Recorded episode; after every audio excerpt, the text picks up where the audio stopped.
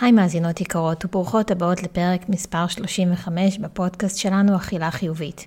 ואני לא סתם אומרת שלנו, כי אני ממש מרגישה שנוצרת סביבו קהילה של נשים, וגם שלושה גברים שאני יודעת עליהם, שממש מחכים לתכנים האלה. שהתכנים האלה פוגשים אתכן ואתן מתחברות אליהם. כל אחת מהכיוון שלה. ואני מקבלת מכן הודעות ממש על בסיס יומיומי, מכל מיני תובנות שאתן מגיעות אליהן דרך הפודקאסט, ועל שינויים שאתן מצליחות לעשות בחיים התזונתיים שלכן, רק מזה שאתן שומעות את התוכן. ובגלל ההבנה כמה שהיום, כל העניין של האכילה הוא כבר כל כך הרבה מעבר לרק מה מזין אותנו, מה הגוף שלנו צריך. האמת שזה אפילו כל כך התרחק מהמקום הזה, והיום זה כמעט הכל חוץ מהדבר הזה. ואני רוצה לפתוח פה שיח אחר, שיח חדש ושונה מכל מה שאני שומעת בחוץ, ושהכול עוסק רק באוכל ובקלוריות, כאילו אנחנו איזה בובת תמגוצ'י שרק צריכה לאכול כמות מסוימת בזמנים מסוימים, והמצב במציאות הוא פשוט הרבה יותר מורכב. והפודקאסט הזה ממש בא לדבר על הדברים האלה מסביב, בכל השלבים שבאים לפני הפעולה הסופית שבה אנחנו בעצם מחליטות מה אנחנו אוכלות, כמה אנחנו אוכלות או מתי אנחנו אוכלות. הפרק של היום תכננתי שיהיה בנושא אחר, אבל אני ככה קשובה למה שקורה לי ביומיום, ואיכשהו כבר כמה ימים, בשלושה ימים האחרונים, שלוש נשים שונות אמרו לי את אותם הדברים בצורה קצת שונה, והאמת שזה בעצם משפט, או יותר נכון איזושהי אמונה, שאני שומעת אותה גם הרבה מאוד פעמים, בלי קשר אליהן, היא מאוד מאוד שכיחה, אבל פתאום זה ששמעתי אותה יום אחרי יום אחרי יום, הרגיש לי כנראה שזה לא סתם, וזה גם ייגע גם בהרבה מכן, והחלטתי לעשות את הפרק הזה על הנושא הזה. אז היום אנחנו הולכות לדבר על מה זה באמת חופש באכילה. איך כל אחת מכן מפרשת את המונח הזה, חופש באכילה. ותבינו כמה לפרשנות שלכן יש השפעה על מה אתן אוכלות וכמה אתן אוכלות. וכמובן, מה תוכלו לעשות מול האמונה הזאת על מנת לקדם אתכן לעבר המטרה שלכן. אבל קודם כל פתיח, ואנחנו מתחילות.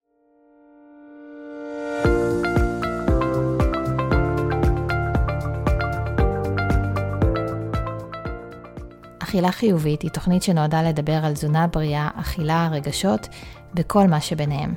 אני יודעת שיש בה חלק שרוצה לאכול בריא יותר ובצורה שקשובה באמת לצרכים של גופך.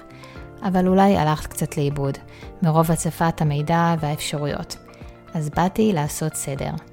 אני מאמינה שכדי לאכול בצורה בריאה ולהרגיש טוב ולראות כמו שאנחנו רוצות, אנחנו ממש לא צריכות לסבול, ולמנוע מעצמנו מאכלים שאנחנו אוהבות, או לעשות דברים שאנחנו לא נהנות לעשות, אלא פשוט להתחיל להתבונן פנימה, ולהבין מה מניע אותנו להתנהג בצורה שמנוגדת למה שאנחנו מייחלות לו. בתוכנית הזו, בכל פרק מחדש, אני אשלב בין תודעה לפרקטיקה, ובכך נכניס למסע הזה הרבה יותר בהירות, רוגע ותוצאות בפועל. זכרי, מגיע לך ליהנות מהגוף שלך, לשם כך הוא נועד. בואי נתחיל.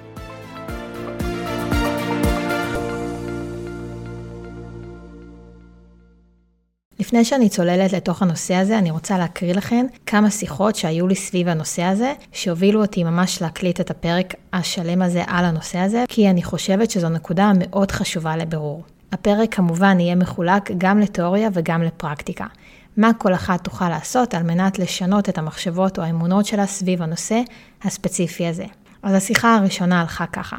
אני אתן קצת רקע, זו מישהי שנמצאת כבר כמה שנים טובות במאבקים להפחית את המשקל, ועד היום היא ממש עשתה כמעט כל דיאטה אפשרית. תמיד היא יורדת, אבל בסוף היא שוברת את הכלים לדבריה, והיא עולה הכל בחזרה.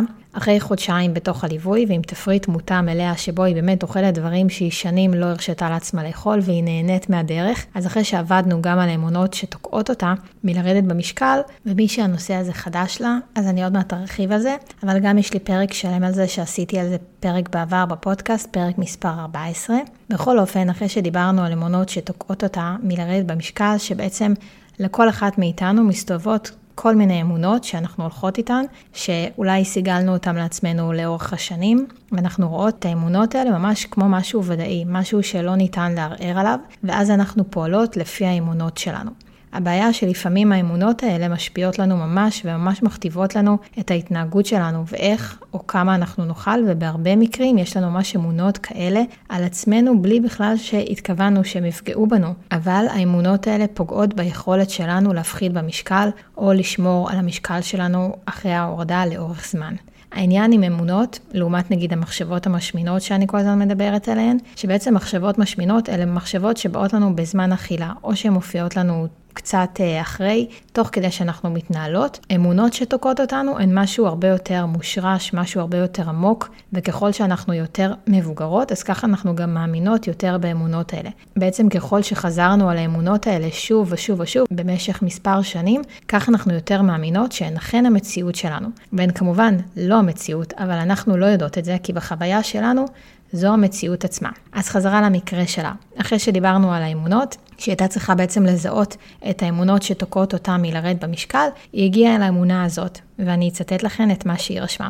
אני מרגישה שחסר לי פתאום לאכול מה שבא לי, להיכנס למיטה עם בטן מלאה, אבל נזכרת שהיא עם תחושה של גועל עצמי.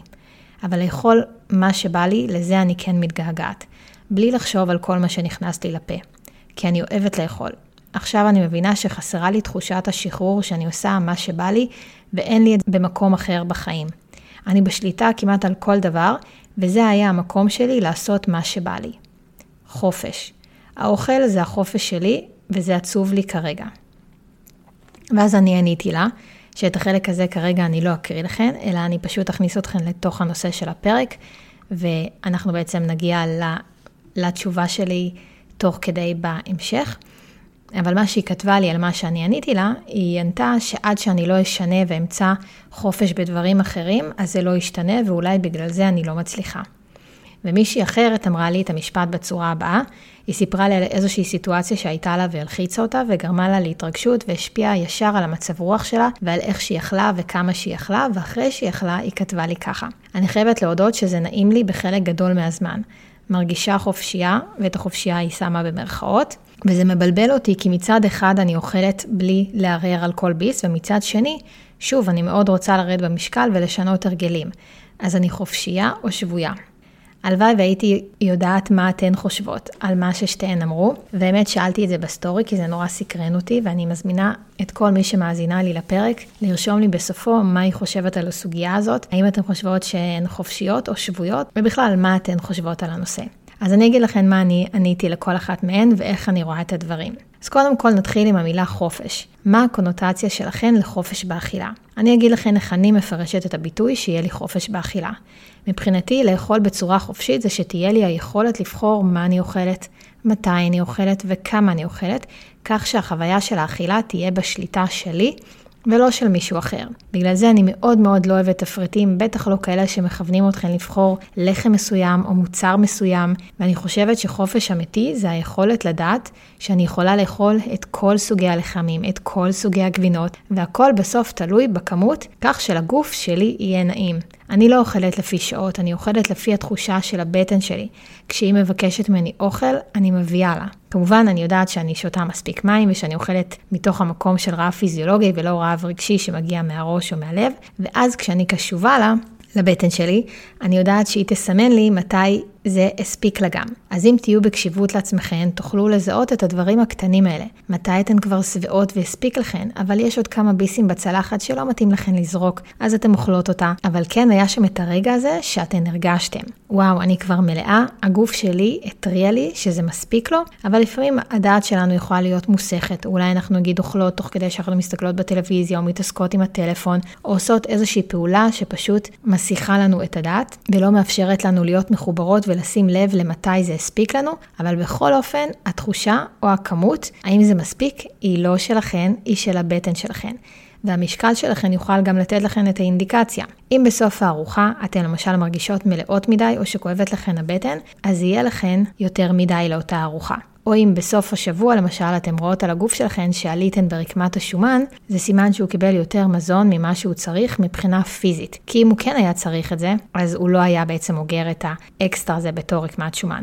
אז החופש מבחינתי באכילה זה לא לחפש כל מיני הגבלות שאולי לתקופה מסוימת כן גורמות לכם להפחית במשקל, כי אתם נמנעות מכל מיני קבוצות של מזון או מכל מיני צירופים, למשל אתם לא אוכלות פחמימות, אתם לא אוכלות סוכרים, אתם לא אוכלות גלוטן, אתם לא אוכלות שילובים של חלבון ופחמימה, או כל מיני הגבלות כאלה ואחרות שאתם שמות לעצמכם בכל מיני סוגים של דיאטות. כל מי שאני מלווה ושואלת אותי שאלות כמו האם אני יכולה לאכול משהו, לא משנה מה זה יהיה, אני תמיד עונה לה כן. אין שום דבר שאני אומרת עליו לא, חוץ מנגיד איזה ביג נו נו שלי, שזה על שתייה מתוקה, כאילו כזאת כמו קולה, הרגילה ולא הסוגים של הדיאט, אלא ממש השתייה הזאת עם השש כפיות סוכר בכוס, אז זה מבחינתי הדבר הכי מבוזבז בעולם, ואני באמת לא מצליחה להבין את ההיגיון של מי בכלל נותן אישור לייצר את הרעל הזה לגוף, אבל חוץ מהדברים האלה, אני באמת תמיד אגיד כן, כי אני חושבת וחשוב לי באמת שתהיה התחושה שאתם תרגישו שאתן כן יכולות לאכול הכל. כמובן מי שכאן מאזינה לי והיא שומרת כשרות, אז כמובן לכן יש גם הגבלות משלכן מבחינת הדת, אבל הן הגבלות שאתן שלמות איתן והן לא האישיוש פה. זה לא כמו הגבלות שמישהי עכשיו שמה על עצמה בלי איזושהי אמונה עמוקה מאחוריה, וכל זה רק עומד לצורך איזושהי הפחתה במשקל, ושם זה פשוט לא מחזיק מים לאורך זמן. ועכשיו כשאני מדברת על החוויה של כמה לאכול, פה חשוב לי לדייק את זה שהכמה מבחינתי הוא עניין של גבול. גם גבול פיזי וגם גבול רגשי, ואני אסביר. גבול פיזי, אני מדברת הכי פרקטי שיש, הגודל של הקיבה שלכם. יש לקיבה שלכם נפח מסוים. אישה בוגרת, גודל הקיבה שלה הממוצעת נע בין 200 ל-500 מיליליטר, שזה לא הרבה לכל הדעות. תנסו לדמיין בקבוק שתייה של חצי ליטר, זו הכמות שנכנסת בתוך הקיבה. אז קודם כל המגבלה הראשונה שכן יש לנו, ממש הגודל הפיזי של הקיבה והוא שריר, כך שאם אתם אוכלות כמויות גדולות מאוד, גם אגב מדובר עם סלט ירקות ענקי למשל, זה עדיין מרחיב את הגודל של הקיבה, ואני ממליצה לכם לשים לב לנפח שאתם אוכלות, גם אם הדבר הזה יכול להיות מרכיב מאוד מאוד דיאטטי. ומצד שני, שלא תאכלו משהו שהוא קטן מדי, ואז אתם גם לא תשבעו. ולא גדול מדי, כי אז אתם תרחיבו את הקיבה, ופעם הבאה שאתם תאכלו כמויות שהן יהיו קטנות, הן פשוט לא יספיקו לכן. אז כן, יש לנו קודם כל את המגבלה הפיזית בראש ובראשונה. כך שהרבה פעמים כשאנחנו הולכות לאירוע, או שאנחנו בארוחות שישי, ויש מלא מנות ובא לנו לאכול מהכל, פיזית, זה לא ממש אפשרי, ומי שכן תנסה, בטוח מכירה את התחושה שאחרי האכילה, כל הכבדות והאי נעימות הזאת שיש לנו בבטן. ואם אני אזכיר את ההתכתבות הראשונה שהקראתי לכן, אז היא ממש אמרה שאחרי האכילה יש לה תחושה של בטן מלאה, וגם תחושה של גועל עצמי, וזו תחושה שבהחלט אנחנו לא רוצות לסיים איתה את האכילה שלנו. זה הפן הפיזי. עכשיו הפן השני הוא הפן הרגשי. פה זה המקום בעצם שלנו שהולך לתוך האמונות. האם ההגבלה של אכילה נתפסת אצל כל אחת מכן כדבר טוב או כדבר לא טוב. המישהי השלישית, שאני לא אקריא פה את ההודעה שלה כי היא מאוד מאוד אינטימית ואישית, אבל היא מדברת שההגבלה של האכילה שלה מקושרת אצלה לילדות שלה ולתחושה של אהבה אמהית, וזה היה ממש כמו הישרדות, ולכן קשה לה להגביל אוכל ממקום מאוד מאוד ילדי שנמצא בתוכה, אבל בסוף כן חשוב שיהיו לנו גבולות מסוימים בכל דבר בחיים שלנו. הרבה פעמים כשאנחנו נמצאות בקיצון אחד, אז אחר כך אנחנו נרצה לתקן את זה ונלך לצערי לקיצון של הצד השני. אבל שום קיצון אינו טוב לנו. גבול יכול להיות אולי להישמע כמו משהו שלילי, אבל הוא ממש מקום שבא להגן עלינו, ושומר עלינו שלא נגיע למקומות שיסכנו אותנו או יפגעו בנו גם בריאותית, ובמקרה שעליו אנחנו מדברות, וגם זה ממש לא חייב להיות איזושהי פגיעה בריאותית, גם אם זה עכשיו יש למישהי עלייה, למשל זה פוגע בה באיכות החיים שלה, גם אם היא עלתה למשל מידה במכנסיים, והמכנסיים עכשיו לוחצות עליה וזה מבאס אותה, זו גם סיבה מספקת. זו דוגמה מאוד מוכרת שממחישה בצורה ממש ממש טובה כמה גבולות הם כן דבר חשוב שעוזר לנו. אני רוצה שתדמיינו שאתן נמצאות על גג של בניין. בניין מאוד מאוד גבוה ואין לו מעקה, ונותנים לכן אופניים. ואומרים לכם יאללה תיסעו.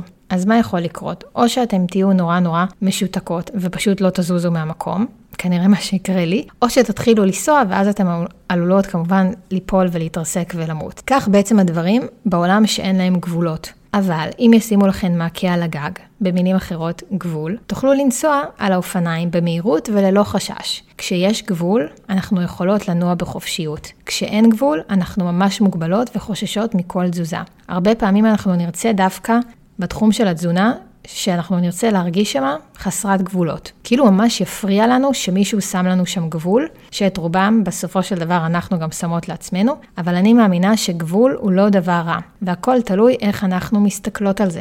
בסוף האוכל הוא הכל עניין של גבולות ומינונים. אין איזה משהו נחרץ שהוא טוב או משהו שהוא לא טוב. כי כל דבר בלי גבול או בעודף הוא יהיה לא טוב. לדוגמה ניקח מים, הדבר הבריא ביותר כנראה שקיים על כדור הארץ בשבילנו ובשביל הגוף שלנו, אבל אם אתם תשתו עכשיו 5 ליטר מים ביום ולא תשימו לכם גבול, זה לא יהיה לכם טוב וזה אפילו ממש ממש ממש מסוכן ואפשר למות מכמות כזאת של נוזלים. ניקח שמן זית, כן, בכמות מסוימת זה טוב ובריא לנו, אבל בכמות מאוד מאוד גדולה, שאולי תביא לנו לאיזושהי עלייה במשקל, נגיד כבר, היא לא תהיה לנו טובה. וניקח פירות, ששוב, במינון מסוים הם באמת נפלאים, אבל אם אנחנו נאכל פירות בלי הגבלה, בכמות מסוימת כבר הם יכולים לגרום לנו גם לטריגליצרידים גבוהים בדם, ואפילו לסוכר מוגבר. בקיצור, באוכל הכל תמיד עניין של מינונים, והגבולות הם כן הכרחיים, והם שומרים עלינו ועל הגוף שלנו. ולכן מבחינתי חשוב שנכיר בצורך בגבולות, ואפילו נאהב את הגבולות, כי כשאין לנו גבולות והכל פרוץ, שם אני רואה לפחות בתחום של האוכל, שאיתו זה מה שאני מתעסקת, שם באמת מתחילות הבעיות. השאיפה שלנו צריכה להיות למצוא כל אחת את התחום האפור שלה, את המקום שבו היא לא בקיצון, לא לכאן ולא לכאן. משפט נוסף שהיא אמרה לי, ואולי גם אתן מכירות את זה אחרי תקופה מסוימת שאתן יכולות לשמור או אתן עושות איזשהו שינוי, גם אם הוא כזה הכי נעים ומותאם לכן, ופתאום אתן איכשהו מתחילות להתגעגע לתקופה שאתן אוכלות בלי לחשוב, שאתן לא מגבילות שום דבר, לא מגבילות את עצמכן, יש איזושהי מין נוסטלגיה כזאת, לאיך זה היה כיף אז. ולפעמים אני באמת מזמינה אתכן בצורה ממש יזומה, שזה גם מה שהזמנתי אותה, לחזור ליום אחד או לאכילה אחת כזאת שתזכיר לכן כמה שזה לא היה לכם נעים, ואיך אתם הרגשתם אחרי זה. ולפעמים אנחנו צריכות ממש את התזכורת הזאת בשביל להבין שזה לא היה כזה נעים. ויותר נעים בעיניי זה לאכול מכל הדברים, אבל דווקא עם תחושה שזה נעים לכם גם תוך כדי, אבל גם אחרי. אני למשל יכולה לומר לכם שאני באמת אוכלת הכל. הכל מהכל, אני פודית רצינית, וכל מי שמכירה אותי יודעת שאני אחת ההנאות הכי גדולות בחיים שלי, זה אוכל. אבל אני מכירה גם את התחושה של ללכת למסעדה של השף האהוב עליי, אבי קונפורטי, שיש לו את המסעדה טופולו פומפול, מי שמכירה, ואני מזמינה שם מנות, יותר נכון זה איתי מזמין, הוא בוחר לנו את המנות, ולי ככה קשה להשאיר את האוכל בצלחת, ואולי זה גם השילוב כנראה של המחירים היקרים שמקשים עליי גם להשאיר את האוכל בצלחת. בכל אופן, מסיבה כזאת או אחרת, אני מסיימת כמעט את הכל, גם כשזה לא נעים לי בבטן, ואני מאוד מאוד מכירה את התחושה שאני מתחילה את הארוחה וזה טעים לי, אבל אם אני מסיימת אותה עם כאב בטן ומתחילה לכאוב לי הבטן ואני עוברת איזשהו סף מסוים וזה כבר לא נעים לי, אז אני זוכרת את התחושה הזאת, ולפעמים הבאות שאני מגיעה איתו למסעדה, אני ממש מבקשת ממנו להזמין מספר מנות, שיהיה לי גם נעים לאכול בזמן שאני אוכלת, אבל גם כשאנחנו יוצאים מהמסעדה.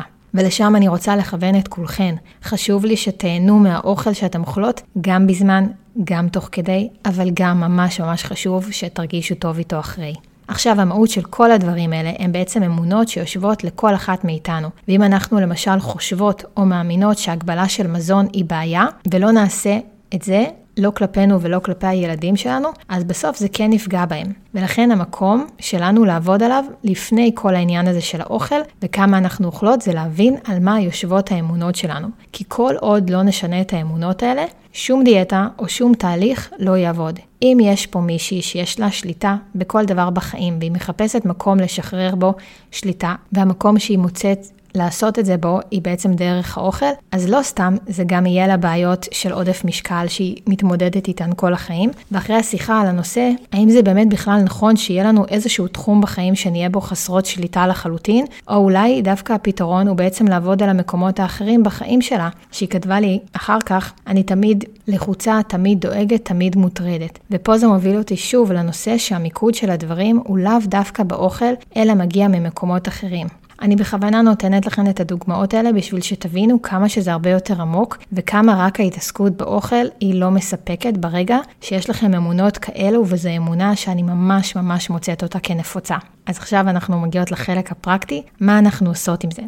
אז קודם כל, מי שמאזינה פה, שאני שולחת אותה ללכת ולשמוע שוב את הפרק ה-14 על מיטוט אמונות שתוקעות אתכן מירידה במשקל. אבל במקרה הזה, אחרי שזיהינו בעצם את האמונה, שגם השלב הזה הוא לא בעצם הגיע לה באופן ישיר, אלא רק אחרי שדיברנו והעמקנו בזה, היא הבינה שיש לה את האמונה הזאת, אז אנחנו צריכות להתחיל ולסדוק את האמונה. כי כשאנחנו פועלות על בסיס אמונות שיש לנו, אנחנו צריכות לערער עליהן בשביל להפסיק ולפעול על פיהם. ואיך אנחנו עושות את זה? אנחנו עושות את זה על ידי שאלת שאלות. אני אביא לכם דוגמה רגע לאמונה שתוקעת ואיך אנחנו מערערות אותה על ידי שאלת שאלות. נגיד באחד היומנים מישהי אחרת כתבה לי תוך כדי הדברים שיש מצבים של לחץ וממש קושי להירגע, ואז היא נרגעת באמצעות אוכל. אז אחרי שאני מזהה את האמונה שלה, אני רוצה לעזור לה לערער אותה. כי כל עוד היא מאמינה ומחזיקה באמונה שהאוכל מרגיע אותה. כל פעם שהיא חווה איזשהו קושי או איזשהו לחץ או פחד ממשהו, היא פונה לאכילה. אז שלחתי לה אוסף של שאלות, שתכף אני אביא לכן, וביקשתי ממנה לענות עליהן בכתב.